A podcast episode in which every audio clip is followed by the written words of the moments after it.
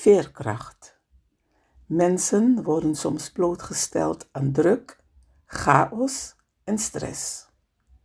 Dit kan leiden tot emotionele instabiliteit of disharmonie. Druk en stress zorgen voor angst en paniek. Het vermogen om te kunnen gaan met teleurstelling en onverwachte veranderingen is veerkracht. Veerkracht is een persoonlijke eigenschap die ons helpt mee te bewegen in de emoties, flexibel te zijn bij veranderingen en de zelfbeheersing te bewaren wanneer het tegenzit. Mensen die hun veerkracht ontwikkelen en inzetten, kunnen tegenslagen gebruiken om sterker te worden vanuit hun innerlijke krachtbron. Wees veerkrachtig, herstel en vergroot daarbij je geestelijke weerbaarheid.